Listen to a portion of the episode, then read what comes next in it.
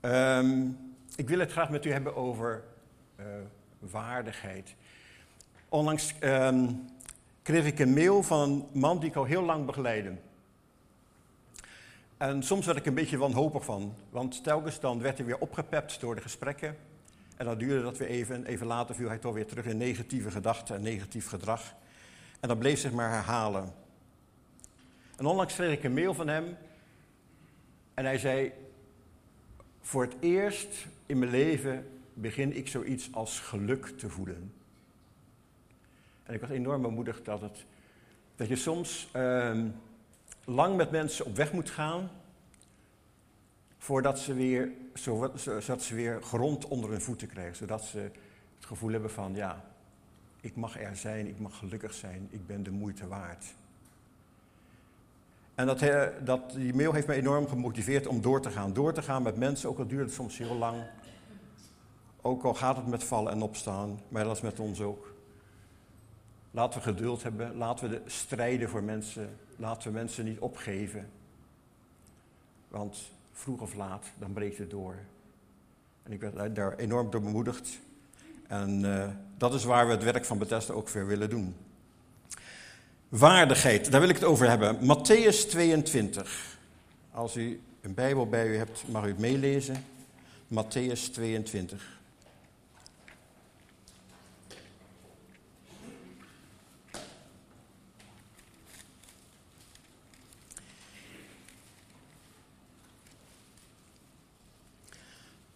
Matthäus 22. Matthäus 22. Het gaat over de gelijkenis die Jezus vertelt van een bruiloftsmaal. Er zijn ontzettend veel mensen uitgenodigd, maar ze hebben allemaal een excuus en ze komen niet. Dan zegt de koning van oké, ga dan maar de straat op en iedereen die je maar tegenkomt, nodig die maar uit en zorg dat hij binnenkomt, want de zaal moet vol worden. In, we gaan het lezen van de vers 8. Vervolgens zei hij tegen zijn dienaren: Alles staat klaar voor het bruiloftsfeest, maar de gasten waren het niet waard om genodigd te worden. Ga daarom naar de toegangswegen van de stad en nodig voor de bruiloft iedereen uit die je tegenkomt. De dienaren gingen de straat op en brachten zoveel mogelijk mensen samen, zowel goede als slechte. En de bruiloftzaal vulde zich met gasten voor de maaltijd. Toen de koning binnenkwam om te zien wie er allemaal aanlagen, zag hij iemand die zich niet in bruiloftskleren gestoken had.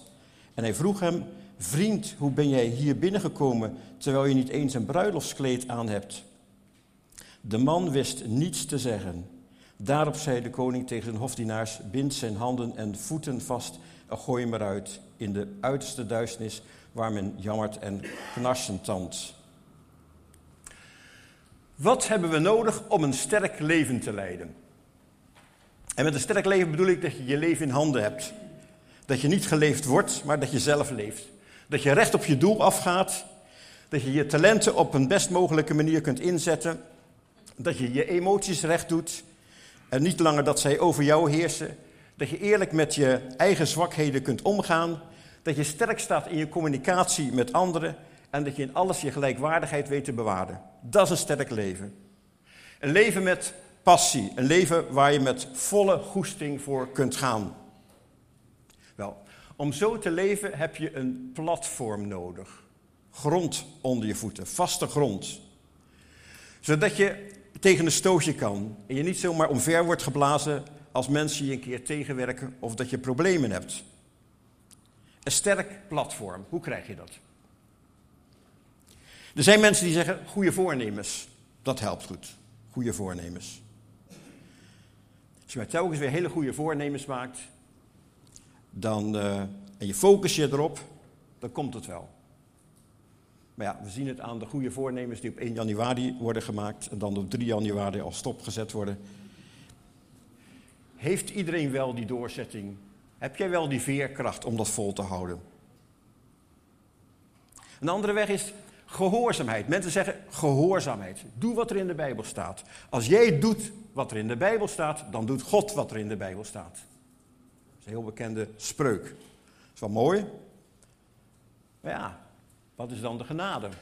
Want dan doet God wat en wij doen wat. Dan werken we samen. Maar waar is dan de genade dat God het doet, dat God het vanuit zichzelf geeft, spontaan? En wat als, als wij ons niet kunnen inzetten? Weer anderen zeggen, je moet je problemen aanpakken.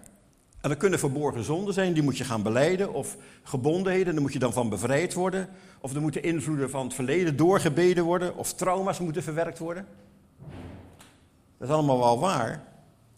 Maar hoe kun je aan de zware problemen in je levensvragen werken als je niet eerst vaste grond onder je voeten hebt? Als kind, ik was uh, zeven jaar, denk ik, vermoed ik, lang geleden. Ik was zeven. En uh, ik heb met mijn broers vastgezeten in drijfstand. We gingen altijd, als we vrij waren, de polders in. De ouders wisten helemaal niet waar we zaten. En op een gegeven moment uh, was er een soort berg waar we op gingen. En we zakten er allemaal één voor één in weg. En probeerden elkaar te helpen. Maar ik weet niet of je wel eens in drijfzand gezeten hebt. Hoe harder je worstelt, hoe dieper je wegzakt. Ja? En we zaten denk ik allemaal onze middel zaten we erin vast. Gelukkig waren er werklui in de buurt met eh, planken. En die hebben ons eruit gehaald. Anders had ik hier niet gestaan. Maar het was een hele enge ervaring. Probeer maar eens jezelf uit drijfzand te halen. Hoe harder je worstelt, hoe vaster je komt te zitten. En ik denk al die goede dingen van voornemens maken, doelgericht leven, aan je problemen en je trauma's werken. Je zult eerst vaste grond onder je voeten moeten hebben. En ik denk dat er een andere weg is. En die weg is waardigheid. Waardigheid is het platform. Waardigheid is die vaste grond. Waardigheid is dat je een sterk gevoel over jezelf hebt. Ik ben de moeite waard en ik heb iets te bieden. Ik ben uniek. En zelfs als het misgaat en als mensen me om me heen niet begrijpen, ik heb nog steeds een goed gevoel over mezelf. Waardigheid, dat betekent ik ben van betekenis, ook al weet ik niet precies hoe. Nu, dan gaan we eens kijken waarom waardigheid. En we hebben een filmpje. Ik weet niet of dat gaat lukken.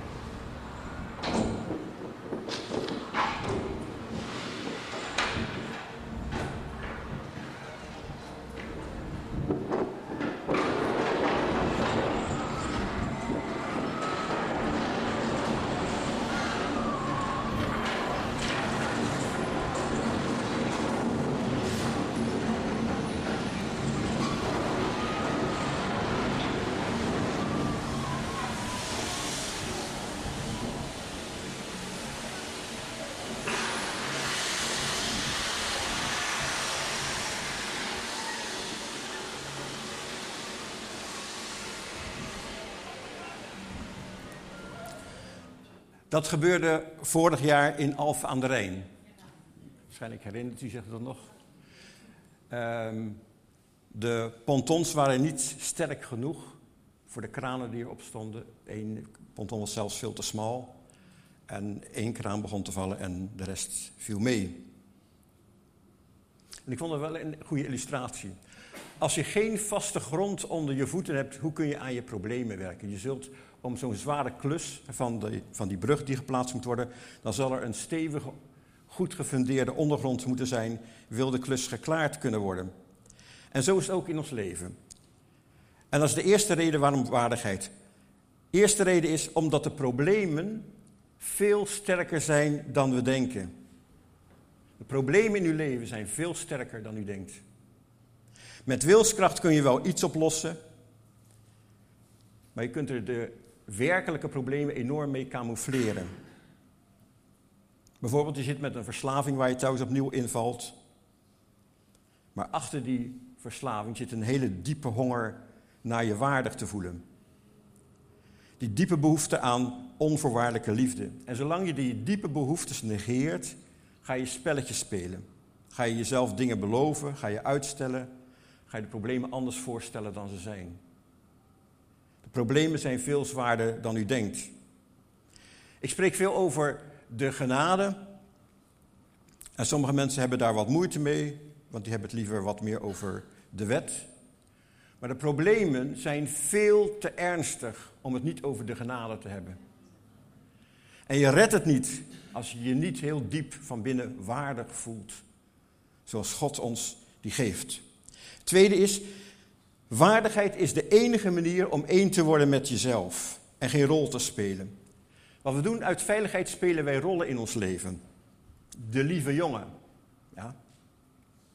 Ik speelde dat vroeger in mijn jeugd, de lieve jongen. Dat is nu lang voorbij, maar, maar ik vroeger. Of je speelt de wijze man, of het brave meisje, of de rebel, of de kloon. Dat kon ik ook nog eens een keertje. Als het me niet ging. Of de grijze muis, of wat dan ook. Je kunt rollen spelen om niet jezelf te hoeven te zijn. Om het verschil wat je voelt tussen de persoon die je bent en die je zou willen zijn, om die pijn niet aan te kunnen. En uit veiligheid speel je een rol. Zodat mensen niet bij je diepste innerlijke kunnen komen. Maar uiteindelijk laat een enorme verwarring achter van wie ben ik nu werkelijk zelf. Waardigheid maak je daar vrij van. De derde, waardigheid maak je los van de goedkeuring van mensen. Wij doen wat, wij doen wat om goedkeuring van mensen te krijgen. Wij doen wat om geaccepteerd te worden. Ik vroeg me vanmorgen af, wat zal ik aantrekken? Want ja, schinnen. Hè? wij, doen wat, wij doen wat om geaccepteerd te worden. Hè? Om er goed uit te zien, om goed over te komen. Om, om uh, te zorgen dat mensen je mogen. En het liefst dat zoveel mogelijk mensen je mogen. Want wij willen het liefst dat alle mensen ons aardig vinden. Hè? En wee, als er één is die ons niet aardig vindt, dan liggen we daarvan wakker. Alle mensen moeten ons aardig vinden. God wil ons daarvan bevrijden. God wil ons losmaken van die goedkeuring van anderen. Want het geeft een enorm juk, het geeft een enorme druk. Hoeveel mensen zijn niet aan het pleasen, terwijl ze eigenlijk aan onderdoor gaan. Hoeveel mensen kopen niet vriendschap, kopen niet genegenheid. Oké, Waar heeft waardigheid nu mee te maken? Waardigheid heeft allereerst te maken met vrijheid. God wil dat je je vrij voelt. Vrijheid vinden wij enorm belangrijk. Als je je niet meer vrij kunt beslissen, niet meer vrij je eigen keuzes kunt maken. Hè, denk maar aan uh, wat er nu gebeurt in Turkije, waar heel veel mensen onder een dictator gaan leven, waar de ene helft van het land de andere helft in de gevangenis zet. Dat creëert een enorme angst. Dat tast de waardigheid van mensen aan. En het mooie is dat zelfs al leef je in gevangenschap, dat je toch innerlijk vrij kunt voelen. Denk maar aan Corrie ten Boom in de concentratiekamp. Victor Frankl, bekende psychiater, die bezig was in, uh, om met zijn uh, collega's te fantaseren: als wij vrijkomen uit het concentratiekamp, dan gaan wij weer lesgeven. Dan gaan we wat we hier geleerd hebben doorgeven aan andere mensen. En ze bleven zich voorstellen hoe het zou zijn in de toekomst. De hoop maakte het mogelijk dat zij, vrij, dat zij van binnen zich vrij voelden. Dat is ook de diepe zorg die Paulus had naar de slaven. De slavernij was, was een deel van het systeem, maatschappelijk systeem van die tijd. Dat zou je niet zomaar kunnen veranderen. Bijna de helft van de mensen was slaaf. Dus hoe zou je dat dan uh, moeten veranderen? Hij zei: Kijk tegen de slaven: als je vrijkomt, doe dat dan. Maar als je niet vrij bent, doe je werk als voor de Heer. Want ik wil dat je je van binnen vrij voelt. Sta in de vrijheid waarmee Christus u heeft vrijgemaakt, staat er in de gelaten brief. Het derde is, wij willen graag dat iets duurzaam is. Dat er iets blijft van ons. Ook als wij sterven, dat er dan nog iets achterblijft, een herinnering of iets wat we opgebouwd hebben, wat van waarde is. We zouden het heel erg vinden als we onmiddellijk weer vergeten worden. En dat is ook het triestige als je uh, met pensioen gaat en je komt na een tijdje nog eens terug op je werk. En ze denken, alleen wat kom jij hier doen? En al je inzet dan, al die jaren die je voor het bedrijf gedaan hebt. Wij willen dat wat wij doen, dat dat duurzaamheid heeft. Een ander punt is, wij willen ons uniek voelen. Willen ons speciaal voelen. We willen bijzonder zijn. Kleine kinderen hebben daar geen moeite mee. We hebben vier kleinkinderen, die hebben geen moeite om zich speciaal te voelen. alle aandacht gaat naar hun. Hè? Het allemaal, draait allemaal om hun. Hè? Zij vinden zich heel speciaal. Zij zetten zichzelf in het middelpunt van de belangstelling. Maar eigenlijk wij grotere kinderen, wij willen dat nog steeds. Wij willen ons speciaal voelen. Hè? Als ze tegen jou zeggen van ja, maar jouw idee, god, dat hebben we al zo vaak gehoord. Hè? Of zoals jou, er zijn er al twaalf in een dozijn. Dat vinden we niet prettig. Wij willen speciaal zijn. Waardigheid maakt ons speciaal. En tenslotte, waardigheid hangt samen met goedheid. Wij willen niet alleen maar gezien worden als mensen die het goed bedoelen, maar ook goed zijn. Wij willen gezien worden in onze motieven. Als mensen kritiek op je hebben, dat is vervelend. Maar als ze gaan twijfelen aan je motieven, als je gaan twijfelen aan je integriteit, dat is erg. Waardigheid geeft je een gevoel, ik ben een goed mens. Even tegen jezelf zeggen, ik ben een goed mens. En dan zeg me even tegen je buurman of buurvrouw, jij bent een goed mens. Dat wil God.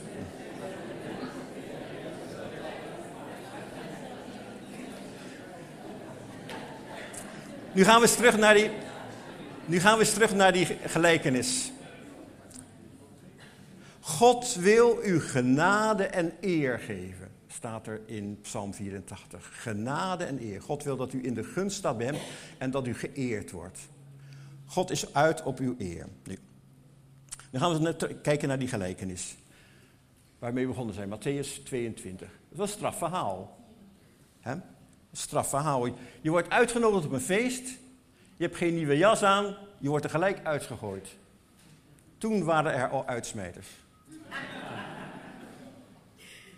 Een beetje hard verhaal. Maar toch wat Jezus eigenlijk zegt.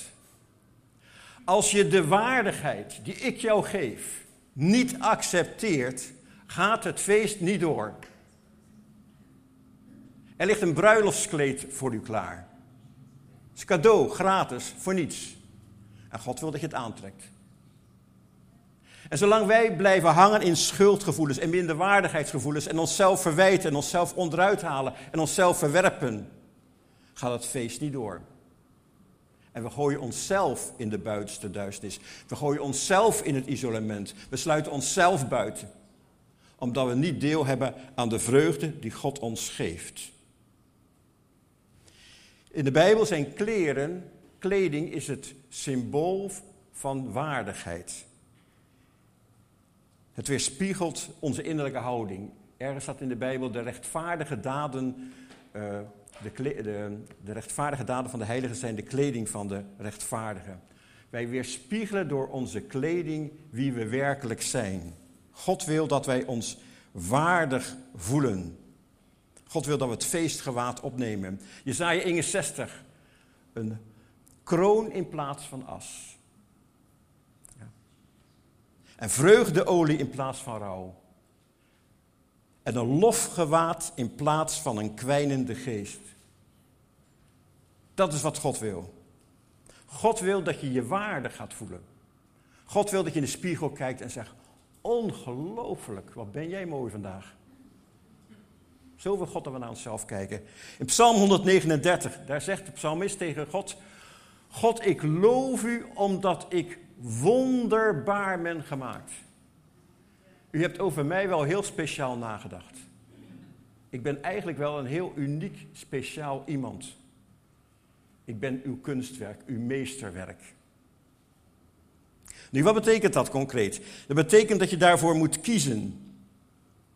Met minderwaardig voelen dien je niemand, maar je relatie met God wordt er niet beter om. Veel mensen verwarren nederigheid met minderwaardigheid. Hoe minder waardiger je voelt, hoe minder nederig je zult zijn.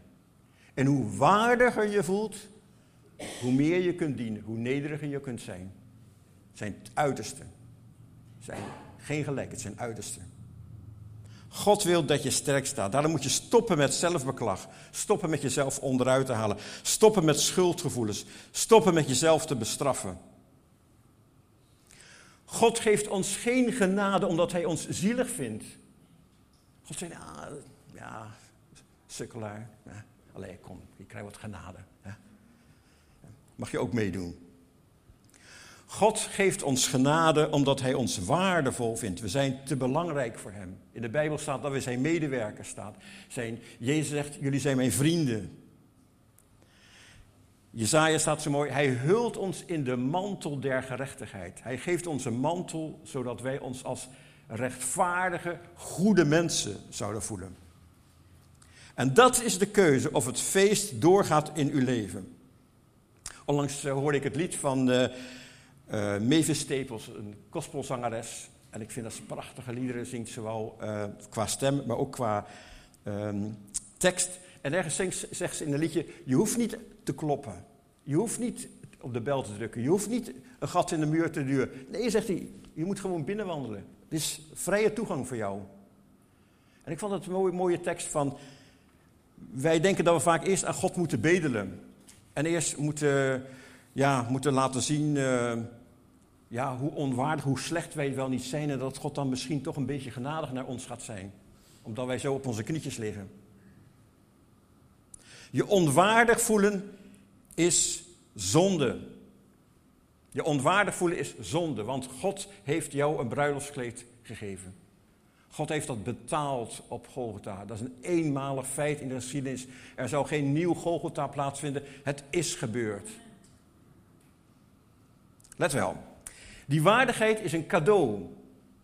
Een geschenk. En ik ga het heel duidelijk zeggen. Je hebt het niet verdiend. Laten we dat goed doen. Je hebt het niet verdiend. Het is niet een verdienste van jou. Het is een cadeau. Je hebt het niet verdiend. Maar je bent het wel waard. Er zijn twee dingen die wij vaak verwarren. Je hebt het niet verdiend, maar je bent het wel waard. Je bent Gods schepsel. Je bent niet van jezelf, je bent aan jezelf gegeven. God heeft uitvoerig nagedacht toen hij jou gemaakt heeft. God heeft jou met zorg samengesteld. God wist heel goed wat hij deed toen hij jou op de aarde zette. God wist wat er allemaal zou gaan gebeuren. En God heeft jou als het ware gewapend, God heeft jou voorbereid, God heeft gedacht, die mens, die kan dat aan. Die mens gaat het lukken, die mens krijgt die opdracht. God heeft jou aan jezelf gegeven. Wij zijn zijn kunstwerk. Als je over jezelf nadenkt, hoe wonderlijk wij in elkaar zitten, hoe wonderlijk onze geest werkt. Dat wij bijvoorbeeld uh, een, een, beetje uit onszelf kunnen stappen en naar onszelf kunnen kijken. Wij kunnen tegelijkertijd object en subject zijn. En dan vraag ik me af, wie ben ik nu eigenlijk? Dat is toch wonderlijk dat wij mensen dat kunnen. Koeien kunnen dat niet. Ja, volgens mij toch niet. Misschien hier in Schinnen, maar... Wij zijn, ongelooflijk mooi en bijzonder gemaakt. Sterker nog, wij zijn de kroonjuwelen van het koninkrijk. Wist u dat? Zacharia 9, vers 16, zoekt u het maar op. We zijn de kroonjuwelen van het koninkrijk. Wel, veel mensen denken, ja, maar de waardigheid die krijgen wij later in de hemel. Aan het einde van de rit. Aan het einde van de rit, dan zal God ons waardigheid geven. Als we de hemel komen. Maar hebben we het dan nog wel nodig? De Bijbel zegt dat je het aan het begin krijgt. In Lucas 15, als de verloren zoon thuiskomt bij de vader. Het eerste wat die vader doet, is tegen een knecht zeggen: geef hem een nieuwe mantel. Geef hem schoenen aan zijn voeten. Geef hem een ring aan zijn vinger. Ik wil dat hij als een waardige zoon van mij het huis binnenkomt. Ik wil niet dat hij als een bedelaar thuiskomt, maar als, als een waardig kind van mij. Zodat niemand met hem kan lachen. Niemand negatief over hem kan praten. Het, de waardigheid staat dus aan het begin. Het eerste wat God doet als hij u redt, is u waardig verklaren. Jij bent een kind van mij, erfgenaam van God en mede-erfgenaam van Jezus Christus.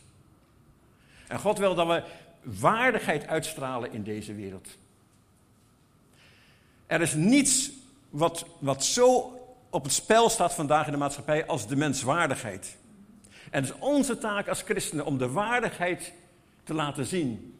Niet door onze prestaties, niet door onze verdiensten, maar het cadeau wat God ons heeft gegeven. Hij heeft ons waardig verlaat. Hij ziet ons als waardig. En let wel, dat is niet alleen maar een etiket wat God op ons geplakt heeft. Zo van, oké, jij bent nu waardig. God zegt, je bent waardig. Je bent het. En je gaat worden wie je bent. Want ik weet wat ik gemaakt heb. Het gevaar is dat we heel vaak een tegenstelling maken tussen wie we zijn als schepsel en wie we dan zijn als nieuwe schepping. Maar voor God is dat enige heel. God voltooit wat hij ooit is begonnen. God herstelt wat hij ooit is begonnen. Wij die geschapen zijn naar het beeld en de gelijkenis van God, God herstelt dat. Jezus is gekomen om ons te verlossen en onze waardigheid terug te geven.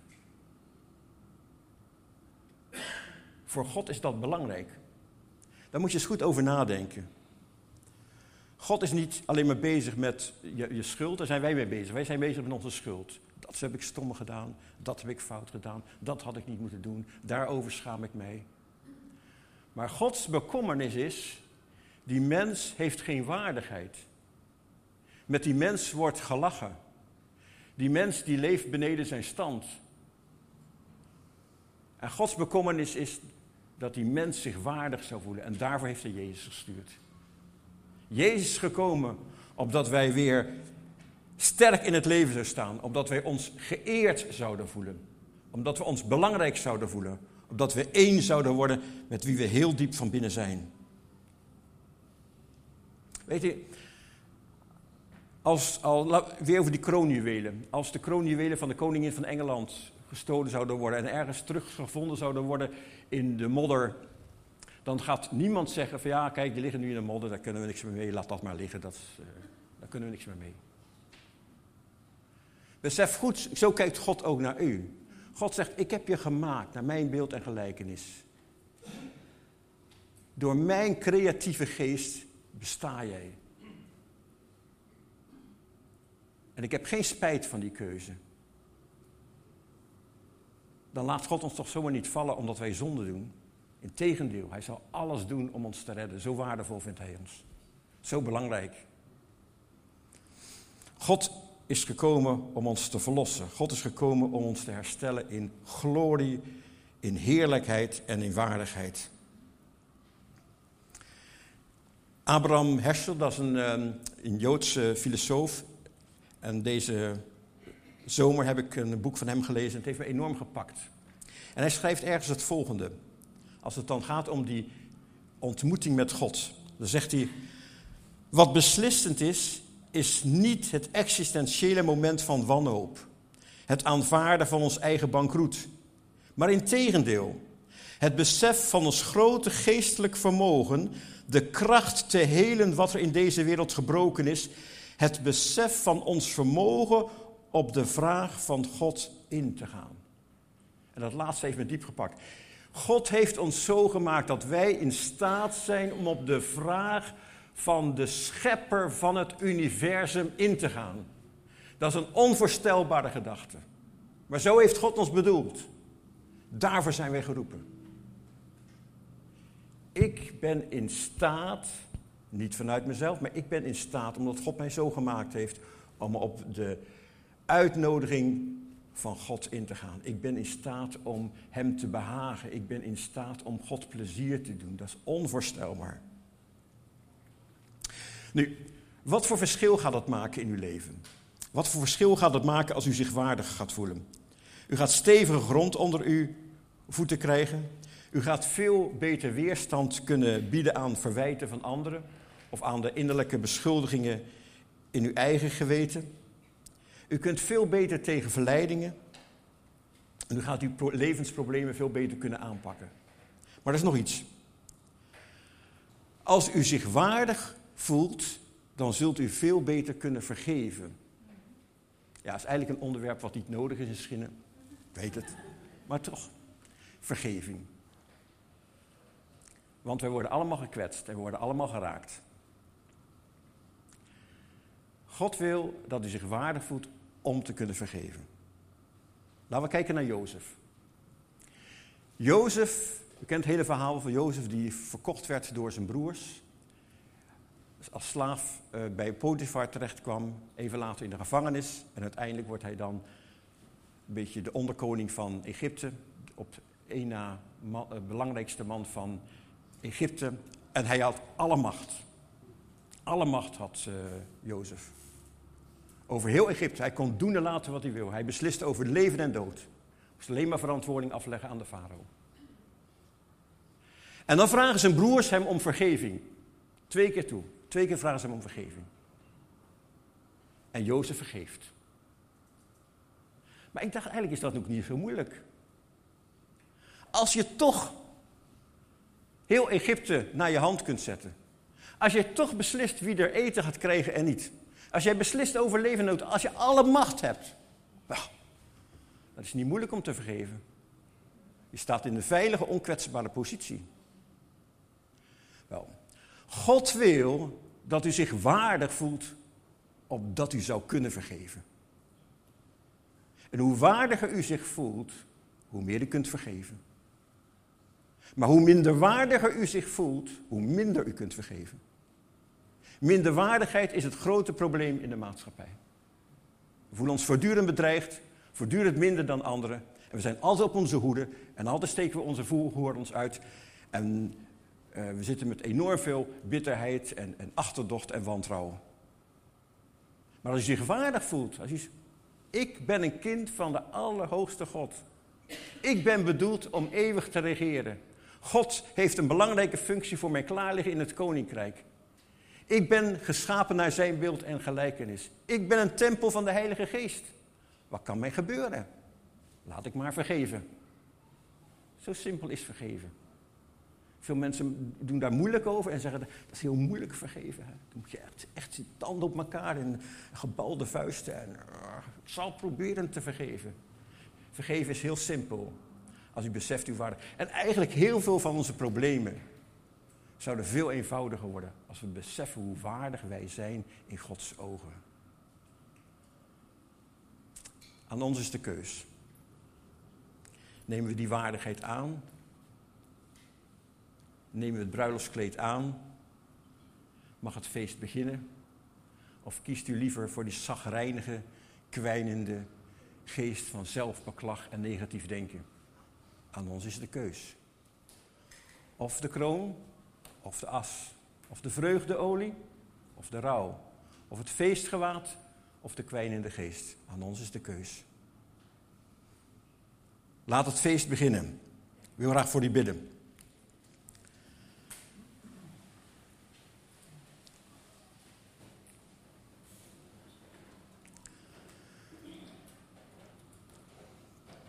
Vader, toch vinden we dat heel opmerkelijk. We leven in een wereld waar het ene probleem het andere opvolgt. Waar het lijkt dat niemand nog de regie in handen heeft. Waarin het lijden sommige mensen totaal overstelpt. Waar we denken, daar moet ingegrepen worden, daar moeten problemen opgelost worden. En u zegt, laat het feest beginnen, want de zaal moet vol worden. U wilt dat uw kinderen feest vieren. Dat is onbegrijpelijk.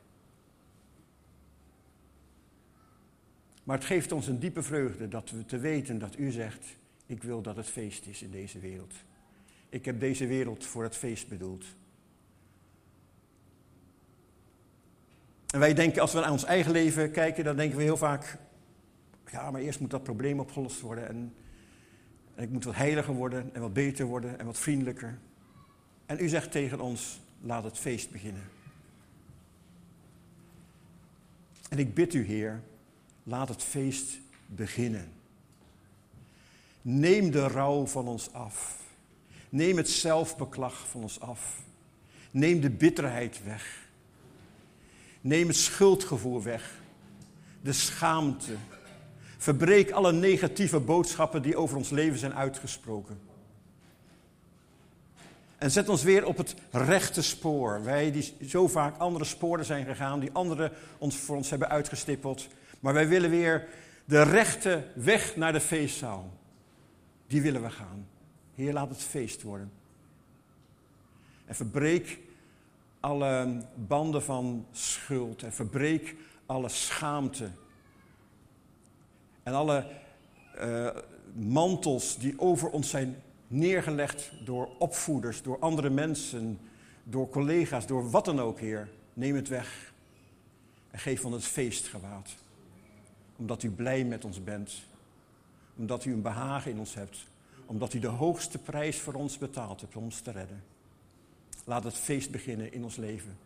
Opdat wij zo het feest deze wereld mogen binnenbrengen. In de wonderbare naam van Jezus Christus. Amen.